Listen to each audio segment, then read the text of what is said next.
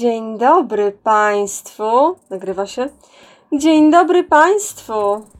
Witamy serdecznie. Witamy serdecznie w naszym programie pod tytułem Lewy Interes. E, dzisiaj będziemy rozmawiać o rzeczach ciekawych. Dzisiaj będzie program edukacyjny. Mm, o czym to będzie program edukacyjny, Krzysiu? Między innymi, e, z tego co słyszałem, dostałem przecieki, że będzie o Ameryce. Będzie o Ale- Ameryce, dla odmiany. No właśnie, ale odmiany będzie o tej, tej drugiej Ameryce chyba, nie? Tej takiej... Tam też jakaś jest jeszcze na dole. Tam na dole jest jeszcze jakaś, ale o tej górnej też będzie troszkę, ale tylko troszkę. A, a z drugiej strony, ponieważ, ponieważ główny segment będzie o Ameryce dla odmiany, to e, tym razem historia będzie Krzysia i Krzysia będzie opowiadał historię. Tak, dzisiaj będzie... e, Ja, ja robię dzisiaj historię, historię Amelki. Tak, będzie To jest moja historia. Krzyś Melka będzie.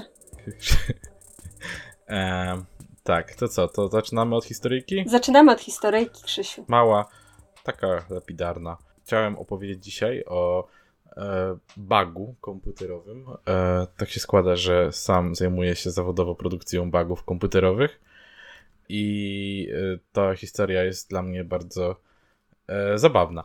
Więc swego czasu, gdy Francuzi powoli odkrywali, że można latać w kosmos, e, były to, a tego sobie nie zapisałem, ale zdaje się lata, wczesne lata 2000, Mm, E, e, do, a przepraszam, nawet nie, ro- 96 dokładnie. Więc e, Francuzi, Francuzi, jed- jedna jedyna wioska odkryła, że można wysyłać rakiety w kosmos i wysłali piąty już wariant swojej e, flagowej rakiety e, Ariane. Nie jestem pewien, jak to się wymawia, bo powinien wymawiać to po francusku. Arian. Ariane. E, była to rakieta Ariane 5 i był to jej pierwszy start, taki jeszcze, taki powiedzmy, no, dziewiczy rejs tej, tej, tego e, pojazdu. Niósł na pokładzie materiały badawcze, mające się zajmować e, badaniem oddziaływania e, elektromagnetycznego Ziemi. Wszystko szlak trafił 37 sekund po starcie. O kurde. Przy okazji koszt to było 370 milionów dolarów, e, więc Mm, 10 milionów na każdą sekundę, którą sobie polatali. A odbudowanie przyrządów niesionych na, na orbitę zajęło prawie 4 lata. Co, cóż się stało? Jest to naprawdę tragiczne, bo e, stał się bug, który był już obecny w software'ze, e, który napędzał rakietę Ariane 4 e, i poprzednią wersję, tylko tam po prostu nigdy ten bug się nie aktywował. Ogólnie w software'ze znajdowała się zmienna, która obliczała tak zwany horizontal bias, czyli mniej więcej to, czy rakieta leci w górę czy w dół. E, Jej, jej odchylenie używano, uży, nazywana jest często BH. To jest naprawdę, naprawdę tragiczne. Ten, ta zmienna była potrzebna tak naprawdę w Ariane 4. W Ariane 5 była zaraz po starcie powinna zostać zupełnie e, dezaktywowany jej pomiar. Niestety zostało to zostawione, bo używano wtedy takiej filozofii e, projektowej if it worked, don't fix it, tak? Jeżeli to działało w poprzedniej wersji, po co to zmieniać? Zostawcie jak jest, oszczędzamy na tym. E, co się okazało? Nie działało w poprzedniej wersji do końca, ale w pewnym sensie nie działało. Dlaczego? Przyrząd, który to, to mierzył, przekazywał informacje w postaci tak zwanego floata, to jest rodzaj, z- rodzaj zmiennej przechowującej liczby z przecinkami. Służy do przechowania miliardów potencjalnych wartości, które można zapisywać y, po prostu mając jakąś wartość z przecinkiem. I, został, I był zapisywany do krótkiej wersji integera, czyli integera, czyli liczby y, całkowitej, który może przechowywać 65,5 tysiąc, tysiąca wartości tylko. To jest sporo mniej wartości niż miliardy. I e, system dawał radę to zapisywać, przybliżenia tych wartości do pewnego stopnia. I, i to by poszło zupełnie, to było całkowicie nieza- niezauważony ten błąd e, w przypadku Ariane 4, bo Ariane 4 wznosiło się bardzo pionowo. I ten współczynnik nigdy nie był dostatecznie duży, by wypełnić tę wartość.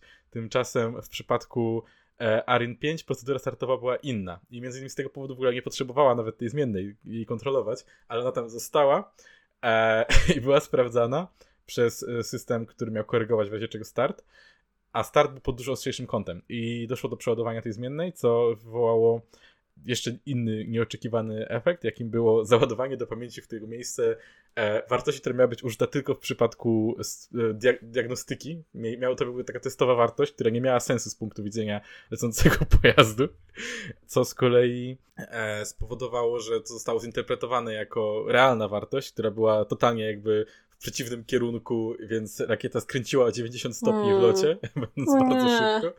E, O nie. Zostało, został naciśnięty kill switch w centrali, czyli wysadzono tę rakietę specjalnie, żeby nie poleciała nie wiadomo gdzie i e, nie, nie, nie poleciała gdzieś na zaludniony teren, gdzie mogłaby zostać dopiero zniszczona, co by mogło no, skończyć się śmiercią, a więc została zdetonowana po prostu. Mm. A, I teraz tak, to jest, jest dużo tego typu historii ogólnie, ale to jest wielu, wielu powodów tragiczna, a więc ta zmiana w ogóle nie, nie musiała tam być. Była, ten element modułu był po prostu przeklejony kopiuj w klej z Ariane 4 i, e, i go zostawiono tak jak był.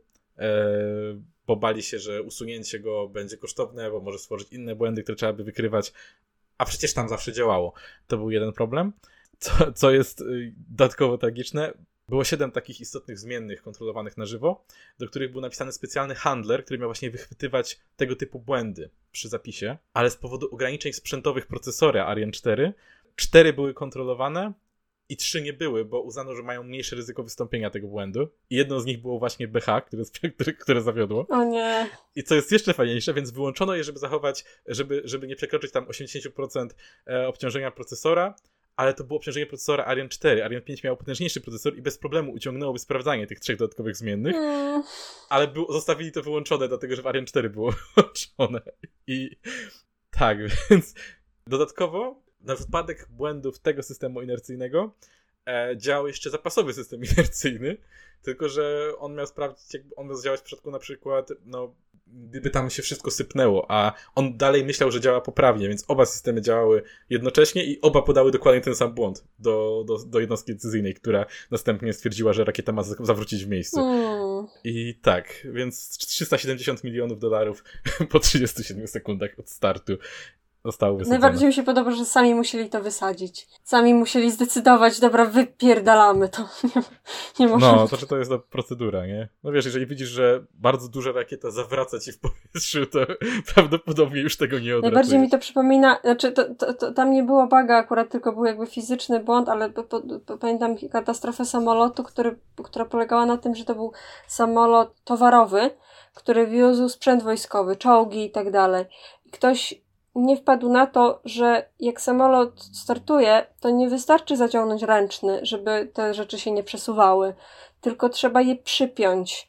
I oni ich nie przypięli i było, to akurat zostało nakręcone na, akurat się złapało na taśmie czyjś, na czymś daszkamie, e, że ten samolot tak leci w górę, w górę, w górę i nagle po prostu spada jak kamień.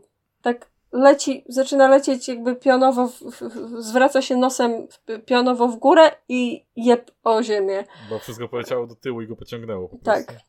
O jest. No. E, nie wiem, czy oglądałeś film Lot z Denzelem Washingtonem. Chyba nie. To jest film, który jest o tym, że jest oparty na takiej faktycznej historii, że coś się popsuło generalnie w pit, one się nazywają rurki Pito, które odpowiadają za, za generalnie wykrywanie. Kontrolę prędkości? Mm, nieważne, wykrywają nachylenie czegoś tam. Im się to popsuło i generalnie zaczął samolot y, sterować sobą w dół, zaczął pikować.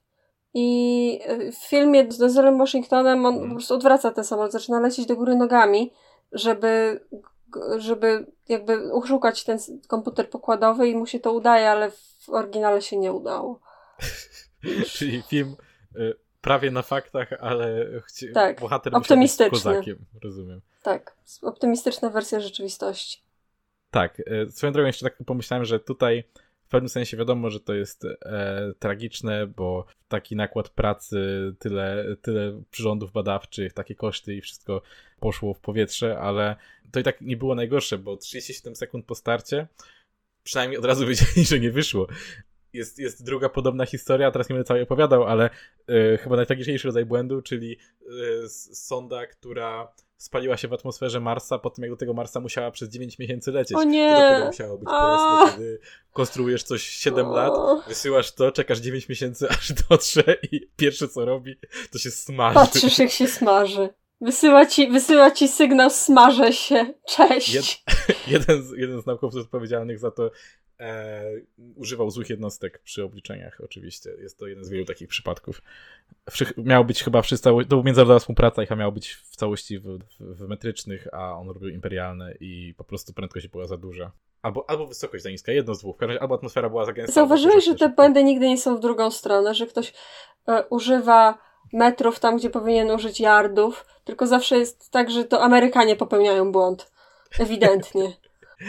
No, to czy też kwestia tego, że po prostu prawie wszyscy y, inżynierowie na świecie używają systemu metrycznego, naukowcy używają systemu metrycznego, więc na ogół ogólną zasadą projektu jest, że mieli używać metrycznego, bo to ma po prostu sens. Hmm.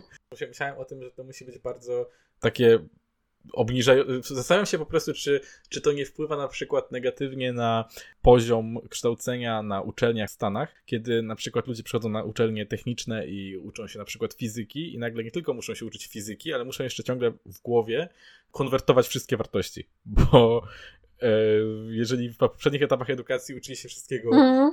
w stopach na, na sekundy i tam ziarnach zboża na zaklęcia wiedźmy z twojego lasu, a teraz nagle muszą to przeliczać na metry i kilogramy, to ja się zastanawiam, jak, jak to musi negatywnie wpływać na taką skuteczność obliczeń po prostu. To jest zwyczajnie niewygodne. Dobra, e, tym optymistycznym akcentem kończymy e, historię Krzysielki. I to był ostatni optymistyczny akcent w całym tym odcinku, ponieważ reszta będzie przygnębiająca. Tak. Teraz przejdziemy do e, tematu który chciałabym otworzyć y, fragmentem literackim. Chciałabym przeczytać fragment poezji, który, który znalazłam w książce, którą przeczytałam. Nie na zawsze na ziemi, lecz tylko na chwilę. Nawet jadeit pęka, nawet złoto się łamie. Nawet pióro kwezala się rozpada, nie zawsze na ziemi, lecz tylko na chwilę. Jak malowidło będziemy zmazani, jak kwiat zwiędniemy tu na ziemi, jak pierzaste okrycie pięknego ptaka, cudnego ptaka o gipkiej szyi, wszyscy dojdziemy do kresu. Takimi słowami pisał pan e, Kojotl, który był jednym z filarów mezoamerykańskiej filozofii, filozofem azteckim. Ten odcinek będzie o tym, jak e, jego kraj doszedł do kresu i o tym, jak cała, po, w zasadzie połowa świata doszła do kresu w pewnym momencie. Jakby ten temat został zainspirowany częściowo moją poprzednią rozkminą z poprzedniego odcinka o tym, że czy, czy, czym, czym są poglądy antycywilizacyjne i antyzachodnie generalnie w tym, w tej, tej dzisiejszej, w tym dzisiejszym pojęciu teoretycznym, że to, że to nie jest do końca szuryzm i tak dalej i to dzisiaj chciałabym trochę rozwinąć. A trochę zostałam zainspirowana książką, którą znalazłam, książka pana Charlesa C. Mana przez 2N. Książka się nazywa 1491 Ameryka przed Kolumbem. Jest to książka o prekolumbijskiej Ameryce i o tym, co się w niej dokładnie działo i co się w niej nie działo, co ludzie sądzą, że się działo. Więc e, chciałabym zacząć od tego, że zapytam Cię, Krzysiu, e, co ty, co ty wiesz, jako taki człowiek, który nie czytał tej książki, co ty wiesz o prekolumbijskiej mm, Ameryce? No, wiem, że było ogólnie, jakby to powiedzieć, e, Obecnie istnieje bardzo uproszczona wizja e, tego, jak te kraje istniały, wręcz przedstawia się to trochę jako taki stan dziki, w którym e, no, by, były jakieś tam piramidy, coś tam się działo, e, tymczasem to były bardzo zaawansowane cywilizacyjnie kraje. Swoją drogą wiem, że wiele z nich miało dość rozwinięte systemy takie społeczne, które prezentowały się zupełnie inaczej niż na przykład taki europejski feudalizm, który wtedy istniał. Pamiętam, że czytałem, nie pamiętam teraz, nie pamiętam teraz, który, który to był z narodów, ale pamiętam, że mieli coś, co mi się mega spodobało, że jeżeli mhm. była kontrola e, wsi, w której stwierdzono, że byli biedni i głodni ludzie, albo na przykład coś popełnił zbrodnię wynikającą, że e, okradł kogoś z jedzenia, to karano zarządcę, który był odpowiedzialny za to, żeby wszyscy ludzie pod jego opieką byli najedzeni i mieli, mieli gdzie mieszkać. To było dla mnie bardzo ciekawe, więc ogólnie a, szczerze mówiąc nie wiem za dużo. E, wiem sporo wyrywków. No już wiesz więcej niż 90% ludzi generalnie. I też mam wrażenie, że to się trochę. Mm, ja miałam takie wrażenie, zanim, zanim się tym zainteresowałam, że oni żyli jakoś tak dawno. Tak, tak. Jakby się mówi, powiedzieć. że starożytni, starożytni Majowie, że to się kojarzy, że to, o, to pewnie przed jakoś przed Chrystusem, Dokładnie. jakoś mniej więcej tak. To jest, to jest taka, zawsze ta perspektywa jest taka przesunięta, nie wiadomo na, tak. na kiedy. To jest jakaś pradawna starożytność, a tymczasem to jest nasze średniowiecze tak naprawdę i nawet później. Z prymitywnej zupy, zupy atomowej się wynurzyli. Majowie i, i tak dalej. A od razu chciałabym zacząć od, od takich podstaw, że Majowie nadal istnieją. Nie są jakby, nie są krajem i nie nazywają się Majowie, ale Zapotekowie, którzy, to jest ta, ta narodowość, najbardziej istnieją na południu Meksyku. To jest mniej więcej przy samej granicy z Gwatemalą i, i przy samej Gwatemali. I oni jak najbardziej tam żyją i też y, wręcz y, można powiedzieć, bo ta, tam właśnie są zapatiści, a że właśnie zapatiści są jakby takim pod pewnym względem ruchem, który kontynuuje walkę przeciwko kolonializmowi. To, to bardzo dobrze widać, że oni są w większości pochodzenia rolniczego i pochodzenia właśnie zapotyckiego, pochodzenia nie, nie europejskiego.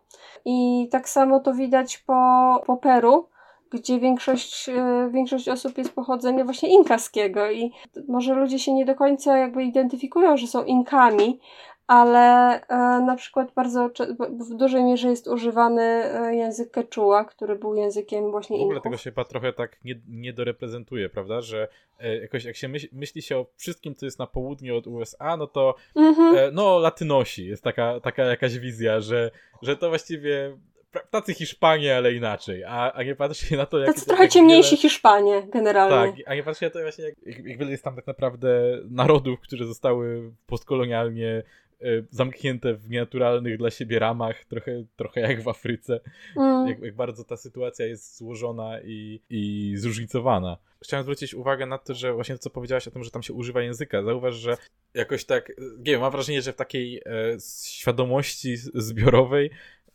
jest tak naprawdę Ameryka Południowa, no to hiszpański, no i portugalski, tak? To są dwa języki, które się tam używa. Jeśli w ogóle wiesz, że istnieje tam Tak. portugalski. Dobra, jeszcze, jeszcze chciałabym taką rzecz powiedzieć, że mogę używać w czasie tego odcinka y, słowa Indianie i chciałabym od razu powiedzieć, że jakby to jest słowo głównie używane nawet do dzisiaj w, w historiografii i w generalnie wszystkich opisach demografii Ameryki, bo generalnie rdzenni Amerykanie bardzo nie lubią być nazywani rdzenni Amerykanie bardzo nie lubią tego, tego sformułowania. Native American to jest, to jest trochę tak jak. um, jest uważane za takie protekcjonalne Mhm. i to- to nawet nie jest jak N-word, że, że, że my możemy tak, że my możemy mówić Indianie o sobie, tylko oni nie lubią jak się nie mówi Indianie. To, jakby uważają, że to jest już ich tożsamość, którą sobie jakby przyswoili, już ją zaadaptowali, już ją jakby stworzyli swoją tożsamość wokół tego i teraz próba narzucenia im kolejnej nazwy jest dla nich kolejnym przejawem kolonializmu, więc tego nie lubią i wolą mówić, żeby mówić na nich Indianie. Także będę czasem mówiła Indianie tutaj, bo uważam, że powinno się na ludzi mówić tak, jak chcą, żeby się o nich To jest mówiło. w sumie też ciekawe, jak to się ukształtowało, że to jest argument, który jakiś temu widziałem, jeden z e, fa- YouTube'owych faszystów tłumaczył, że nie było nigdy żadnego ludobójstwa Indian, bo Indianie istnieli kiedyś i istnieją dalej, Mhm. Wspomniając, że samo usiłowanie dokonania ludobójstwa jest ludobójstwem, to właśnie bardzo takie tragiczne jest w tym to, że okej, współcześnie podejrzewam wielu właśnie z potomków różnych rodów, e, znaczy różnych ludów e, Am- Ameryki Północnej, Południowej, Środkowej e, identyfikuje się jako Indianie, to jednak trzeba zwrócić uwagę, że kiedyś to były różne narody i to jest tak jakby powiedzieć, jakby ktoś zniszczył, nie wiem, Czechy i powiedział za, za 100 lat, ej, ale Europejczycy dalej istnieją, o co Wiesz, no ci sami ludzie robią dokładnie ten sam argument z Holokaustem, że przecież jest Izrael, to kto niby mieszka w Izraelu, jak było ludobójstwo Żydów? Hmm? Także jebać tych ludzi. Ale tak, generalnie to, dobra, może zacz- zacznę od Inków, bo najbardziej chyba lubię Inków. To są właśnie moi, moi socjalistyczni królowie, o których, wydaje mi się, że jeśli, nie słyszałam o tym przepisie, o którym ty mówiłeś, ale jeśli on istniał, to byli, to byli na 100% Inkowie, bo to byli, to były najbardziej rikczowe chłopaki ze tak, wszystkich. to byli chyba Inkowie. Ogólnie u Inków było tak, że mieli cały e, jakby mit założycielski, że była, była jakaś tam szekspirowska walka o władzę, że wy, wyłonił się jeden król, który nazwał siebie Paczakutek. Proszę się nie śmiać. Paczakutek to znaczy niosący zmianę. I przyniósł taką zmianę, że e, stworzył imperium, które było większe od chińskiego. W największych, jakby, w największym momencie Chin był, były i tak mniejsze niż, niż imperium inkaskie. I y, najlepsze jest to, że podbijał te kolejne tereny bez wystrzałów. I metaforycznie, i dosłownie, bo po prostu był taki moment, że miał tą armię, wbijał gdzieś do jakiejś wioski i tylko mówił, no cześć, co handelek? A oni tak, no co możemy, nie możemy powiedzieć nie, jak ktoś wbija z armią.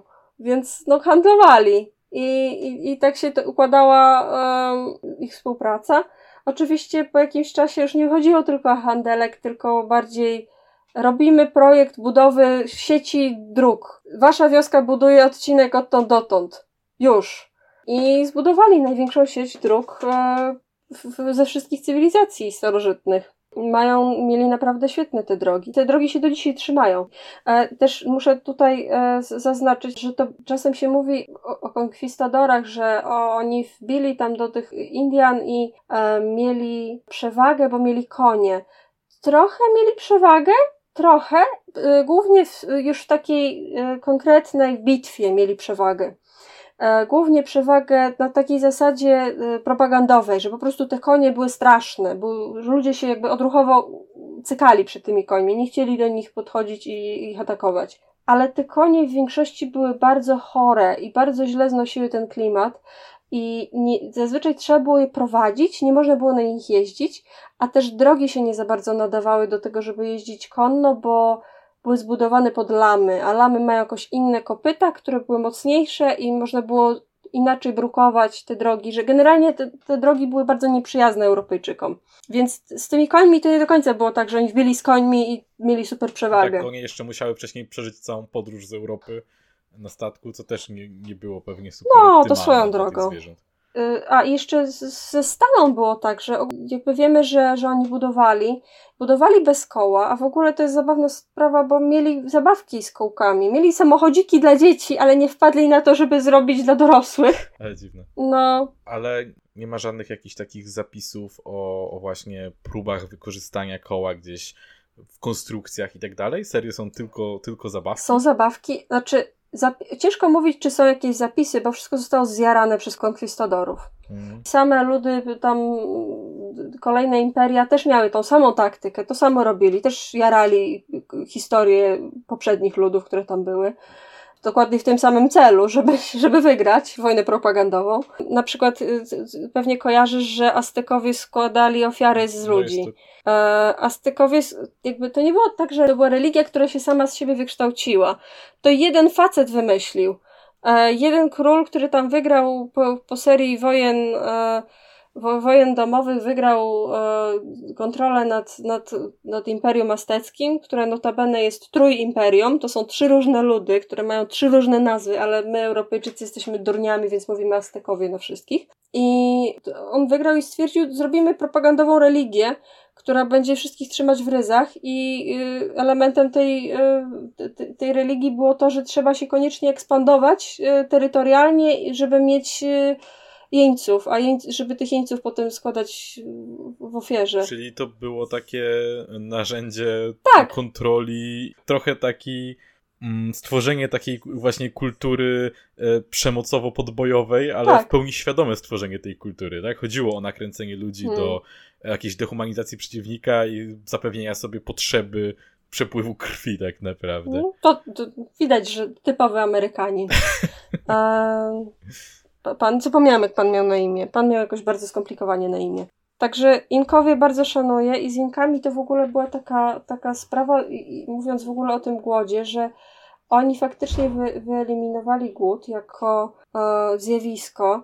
Wszystko mieli tak zrobione, że jedna rzecz, która bardzo dziwi e, wszystkich archeologów i dziwiła wtedy e, konkwistadorów, jak wbijali do miast, e, że, że nie było rynków w miastach bo nie było rynków, nie było rynków, e, nie było handlu, nie było czegoś takiego. Było tak, że e, pewne rzeczy robiło się w rodzinie, jak rodzina miała e, powiedzmy jakiś ogródek czy coś, poletko kukurydzy, to stąd brała jedzenie, a wszystko inne było rządowe. Była gospodarka centralnie planowana przez pana Paczakutka i jego następców i ta gospodarka bardzo dobrze funkcjonowała, a wręcz miała nadwyżki jakby dla nich symbolem prestiżu państwa było, jak były pełne magazyny niezużytych rzeczy. To było coś, czym oni się chwalili i czym nie używali, w ogóle nie mieli pojęcia złota, srebra, że to, się, że to jest coś ważnego, tylko że jedzenie, ubrania, narzędzia, to, jest, to był symbol. Nie mieli Czyli waluty. Nie mieli pewnie nawet waluty, tak? Bo nie mieli waluty. Nie w tym wierszu, który przeczytałam na początku, o. tam było... E, użyte, że jadeit i pióra kwezala. To, były, to, to było to zamiast złota i srebra. To, to było, oni mieli złoża, z, to było to ozdobne, było ozdobne. Tak? To był jakby symbol um, takiego prestiżu, bogactwa. Um, I oni też, się mówi, że nie odkryli metalurgii. Oni mieli metalurgię, tylko że oni wcześniej zdążyli sobie wykombinować takie mm, jakby alternatywne wynalazki, które im, które im pozwalały na to, żeby nie mieć, e, nie, nie- korzystać z metalu, że jak już mieli wszystkie techniki metalurgiczne, których potrzebowali, to głównie używali ich właśnie do dekoracji. Em, bo na przykład mieli. Tak, zresztą nawet mhm. broń kamienna przecież tak naprawdę potrafi być bardzo skuteczna. Się swego czasu interesowałem dość mocno bronią białą i właśnie widziałem sporo fajnych testów. Oni też bardzo polegali na na przykład procach różnego rodzaju. Mieli łuki, mieli proce, mieli bardzo Mhm. złożoną, y, złożony arsenał różnych rodzajów proc.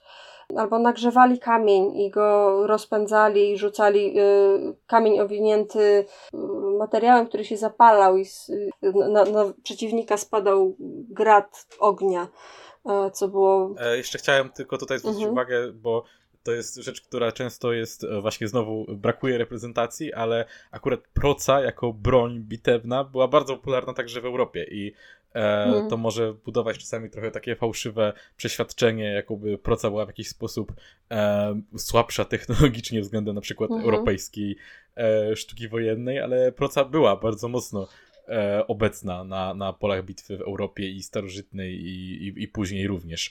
Więc to jest taka, taka tylko wstawka ode mnie jeszcze. A swoją drogą, fakt, że te kamienie były płonące też jest zabawny, bo z kolei rzeczą, która jest głęboko reprezentowana w filmach nawet historycznych są płonące strzały, które na przykład, na przykład z kolei w Europie nigdy się nie wydarzyły, bo to było technologicznie praktycznie niewykonalne. Mhm.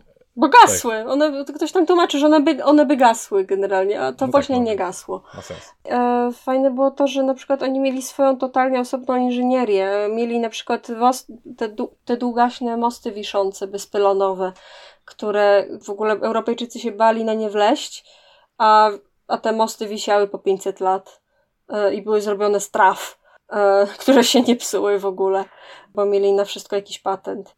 I generalnie to, no jak się, jak się czyta o tych Inkach, to powiem szczerze, jak się czyta, że mieli taki fajny system i on działał tysiąc lat, a potem się czyta, a potem wbił im Pizarro i wszystko im rozjebał w ciągu paru lat, to powiem szczerze, trochę, trochę kukle swędzą. Pizarro ich był w stanie bardzo łatwo załatwić, nie tylko dzięki epidemiom, ale też dzięki temu, że akurat tak się złożyło, że wbił tam po, akurat po bardzo długoletniej, bardzo wyniszczającej wojnie domowej o sukcesję. U nich się bardzo zdegenerował ten system, bo Paczakut, niestety minus tego, że Paczakutek zrobił taki totalny to, total, totalitaryzm, e, było to, że zrobił bardzo ostry kult jednostki i zrobił kult dynastyczny taki, że była, był cały, cała gama, śluby z siostrami, e, żeby zachować czystość dynastii. Czyli monarchizm jak zawsze wszystko zjebał. tak, tak, monarchizm mi wszystko zjebał. E, na przykład e, jak monarcha umierał, to nie można było przyznać, że umie- umarł, bo przecież musiał być nieśmiertelny, więc e, mumia rządziła całym lennem danym. Masakra ogólnie, więc jak on tam wbił, to bardzo łatwo było ich rozwalić. A jeszcze swoje dołożyły zarazki. I tutaj chciałabym jeszcze poczynić jedną, jedną uwagę, generalną, nie tylko do Inków, ale w ogóle do, do, dotyczącą całego problemu epidemii w Ameryce. Problem był taki, że z racji tego, jak te migracje do Ameryki się ułożyły, wszyscy Indianie są do siebie genetycznie bardzo podobni. Bardzo podobne układy odpornościowe, bardzo podobne przeciwciała, bardzo podobne coś, co się nazywa to się nazywa e, ludzkie antygeny leukocytowe, czyli, czyli te em, antygeny, które jakby możesz genetycznie przekazać i które sprawiają, że, że generalnie jesteś odporny, albo przynajmniej twój organizm jest w stanie się odpornić na, na jakąś chorobę. No tak, a byli, byli wystawieni na trochę mniej różnych masowych ludów, e, ruchów ludności, tak, masowych migracji, które z kolei w Mm. Europie, Azji i Afryce były jednak, podejrzewam, mechanizmem trochę zwiększającym odporność taką generalną, tak, bo mieliśmy... Oni mieli. To, to, większą to, jest pulę po trochę, to jest troszkę mit, bo to, ich było bardzo dużo. Tam było dużo ludzi. To nie jest tak, że oni żyli w małych miejscowościach, w małych No wioseczkach. tak, ale chodzi mi o to, że byli jednak wystawieni na dość zbliżone e, środowisko jakby, tak, w sensie...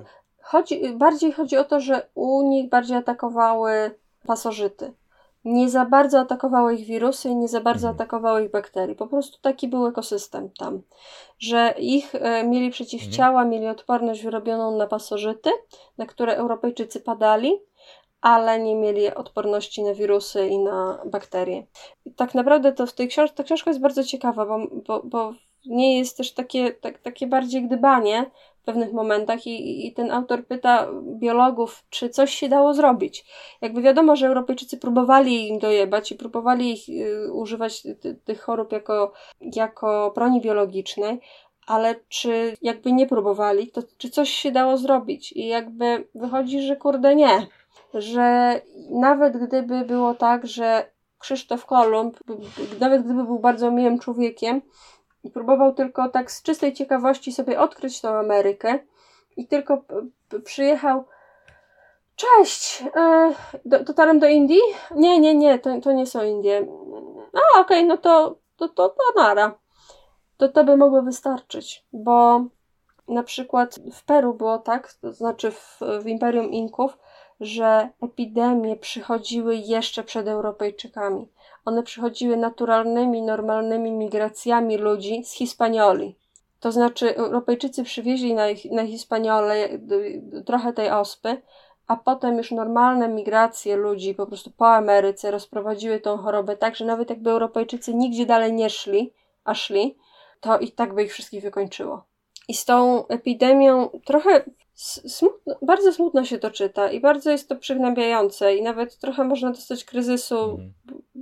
kryzysu jakiejś e, wiary w cokolwiek, łącznie z entropią, bo entropia nie może być taką suką.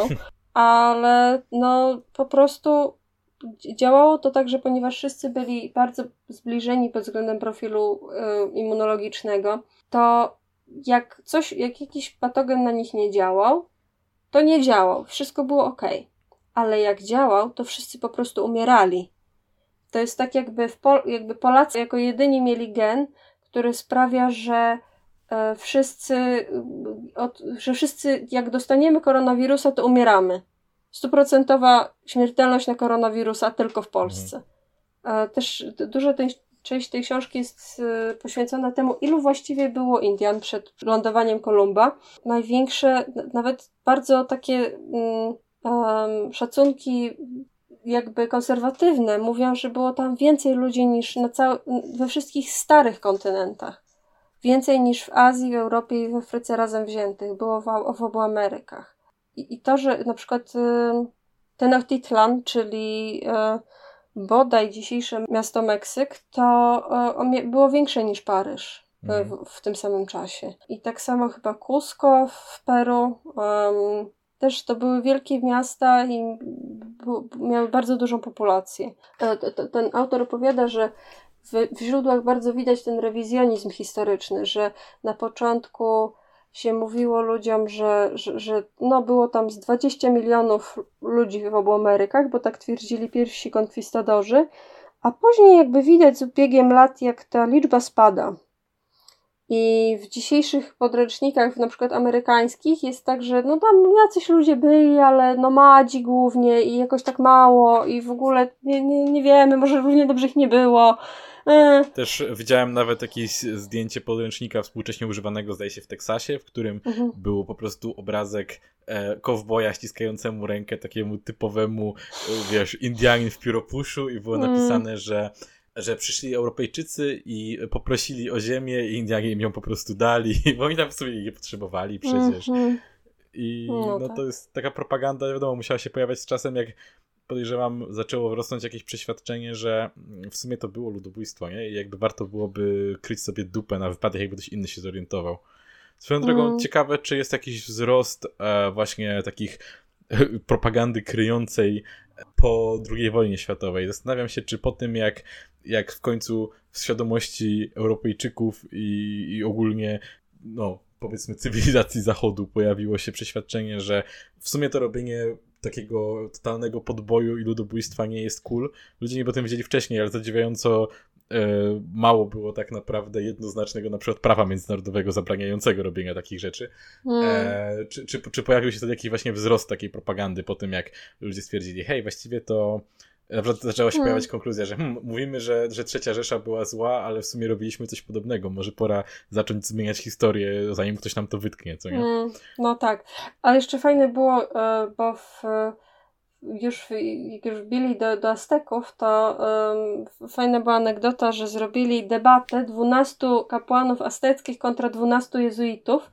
E, I nawet ten kto, Cortez, to nie był Pizarro, to był Cortez. Cortez poprosił tylko przyślijcie nam takich dobrych jezuitów, takich, co im naprawdę zależy, a nie jakichś pijusów, e, żeby tak naprawdę zdebatowali ich, nie?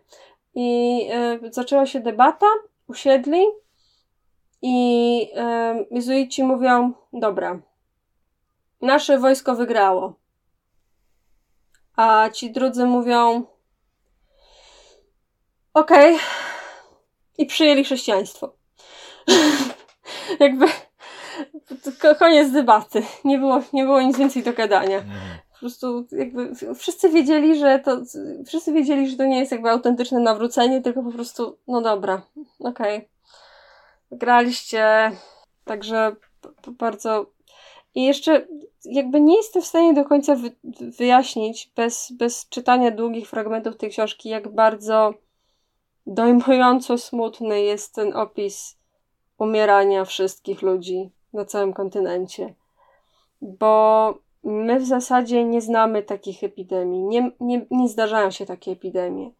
Nie ma takich. W zasadzie dlatego to jest podstawowy argument krytyków, którzy mówią, że nie mogło być tak dużo ludzi w obu Amerykach, bo nie ma wirusa, który by tak sprawnie zabijał. Mówimy o śmiertelności w granicach 80-90%. Na przykład prędkość rozprzestrzeniania się ospy i dżumy była taka, że e, często było tak, że dwa plemiona już na, te północnoamerykańskie były na wojnie albo po prostu coś tam się kłóciły i chci, chciały zawrzeć pokój i posłaniec z jednej, z jednej wioski szedł do drugiej na drugi dzień i nagle nie było z kim w ogóle gadać, bo po prostu wszyscy nie żyli. O plemię Lakotów e, północnoamerykańskie miało coś w rodzaju kalendarza, że każdy rok był opisany obrazkiem. I obrazek, który opisuje rok 1572, to jest facet, który siedzi w swoim tipi samotnie i strzela sobie w głowę. O Boże. I generalnie taki, taka jest atmosfera całej, większości tej książki, że to była największa tragedia w historii ludzkości, największa katastrofa w historii ludzkości. Nikt, nic gorszego się w historii nie zdarzyło. I nie za bardzo, nadal nie za bardzo mamy sposób, żeby sobie z tym poradzić, bo nadal jest, nadal zdarzają się takie sytuacje, że na przykład ktoś opisywał taką sytuację, że przypadkiem ktoś przejeżdżał ze swoim dzieckiem przez dżunglę w Amazonii i, i okazało się, że dziecko miało odrę. I niechcący zabili całą wioskę, bo dziecko miało odrę. I to było w XX wieku. To było pod koniec XX Jezu. wieku, to było chyba w latach 80. To jest na- najlepsze, co możemy robić teraz, to po prostu tam nie wchodzić, dać tym ludziom spokój i nie, nie, nie wbijać tam po prostu. E, ale to jest coraz mniej możliwe, niestety. A Też, teraz też jest, są takie polityki już e, wprowadzane, wiem, że w Brazylii na przykład, że jeżeli potwierdzi się, że gdzieś występuje jakaś nieskontaktowana grupa ludzi, to automatycznie są obejmowani bardzo dużym takim no-no zone, gdzie nie wolno wchodzić.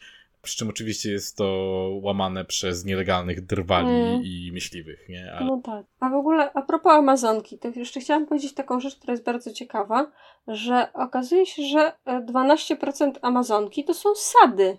I to nie takie nowe sady, że wyrżnęli coś i zrobili sad, tylko takie od 10 tysięcy lat. Po prostu pierwsi ludzie, którzy się tam osiedlili, zrobili sady, wyhodowali swoje własne rośliny i, i, zrobili sobie swój własny ekosystem.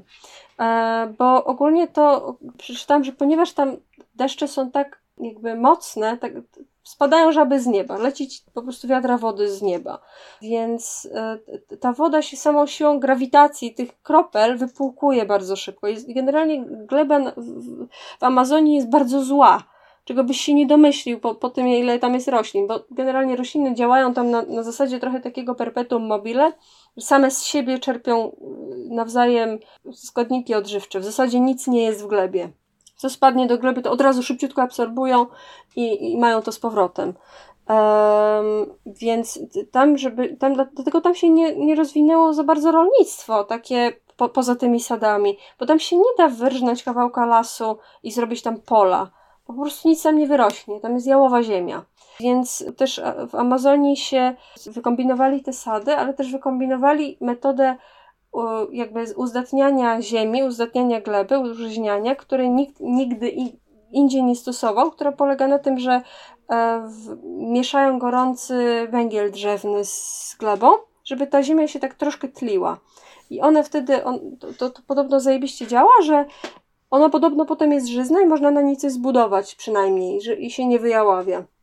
Teraz, te, teraz dopiero naukowcy jakby zachodni do nich dobili i y, próbują te ich pomysły spisać, żeby móc je zaaplikować mhm. gdzieś indziej, tam gdzie, tam gdzie tam gdzie europejskie rolnictwo i europejski przemysł rozjebał ekosystemy. To teraz bierzemy od nich pomysły.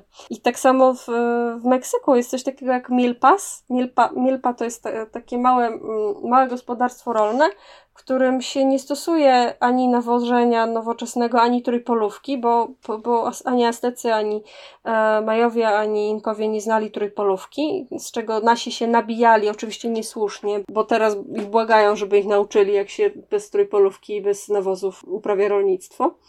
Mm, ale Milpas. No ale typowo, nie? Założyliśmy, że jak znamy sposób, to to jest ten tak. posłuszny, jedyny tak, sposób. Tak, totalnie. A, a, I Milpas polegają na tym, że działają trochę jak ogródki działkowe, że masz dużo różnych roślin i najlepiej je zmieszać ze sobą. Oczywiście te, które da się zmieszać, które się nawzajem nie, nie uduszą, tylko takie, które da się zmieszać, to oni mieszają.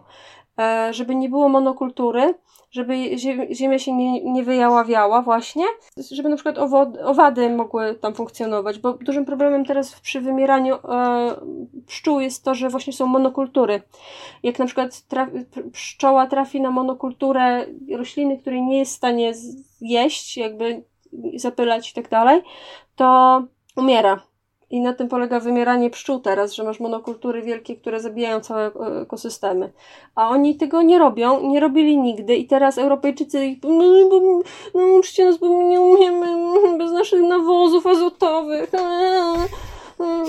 Więc to jest bardzo ciekawe. Bardzo polecam tą książkę. Jeszcze raz. E, jak ktoś chce się trochę podłamać, ale też trochę nauczyć o tym, co my nazywamy cywilizacją i jak i jak bardzo jesteśmy w błędzie, to bardzo polecam. Więc jeśli mam zareklamować jakiś produkt, koń, kończąc ten podcast, to reklamuję tą książkę. To może jeszcze tytuł raz przeczytaj. 1491 Ameryka przed Kolumbem. Oczywiście autor jest Amerykaninem białym, więc musiał wjebać się z amerykańskimi y, elementami propagandowymi. W rodzaju, że pisze o tym, jak upadali Majowie, że, no, że tajemnica, ale tak naprawdę to wiemy generalnie, co się tam działo, że, że było, była północ kraju była taka w miarę żyzna, a południe kraju było, miało beznadziejną glebę i nic tam nie rosło. E, I na południu jeszcze do tego była bardzo krwawa i wyniszczająca wojna, wojna e, domowa między dwoma miastami, która jeszcze pochłonęła dużo, w zasadzie spowodowała upadek państwa. I jeszcze przyszła susza na, na to południe e, i, i, i pisze, że o, a, na, na, a w tym czasie na północy rozwinął się handel. Na pewno północ, na pewno by przetrwało południe, jakby zrobili handel. No wiadomo. jakby zrobili wolny rynek. Jakby, jakby znieśli podatki, to byliby już miliarderami. Także... Im wolniejszy rynek, tym mniej ofiar ludobójstwa. Ta, tak. Czy coś tam. T tak. No. Także y, y, jest parę takich momentów w tej książce, ale generalnie jest fajna. Czy ty, Krzysiu, coś, e, jakiś produkt chcesz zareklamować? O właśnie, chcemy zareklamować produkt, jakim jest nasz, nasz profil na y, Spotify'u. Musicie nas followować na Spotify'u. Tak, followujcie nas na Spotify'u, jesteśmy już na Spotify'u, co prawda y, nie, nie mamy tam jeszcze ślicznego logo i wyglądamy y, w chwili obecnej trochę prosto, ale myślę, że z czasem to się zmieni i będziemy pięknymi kwiatuszkami z pięknym logo. Jeżeli ktoś ma jakiś fajny pomysł e, e, na logo, to je też zareklamujemy. Albo chce wykonać darmową pracę nienajemną dla nas, wolontariacką, to też bardzo Tak, to wtedy, wtedy będziemy reklamować produkt, jaki będzie logo zrobione dla nas. To się nazywa praca za ekspozycję, z tego co kojarzę. Tak, możemy Wam zrobić wpis do portfolio. Dokładnie. A więc DM us. Dziękujemy bardzo. Dziękujemy za uwagę. Pa, pa. Cześć!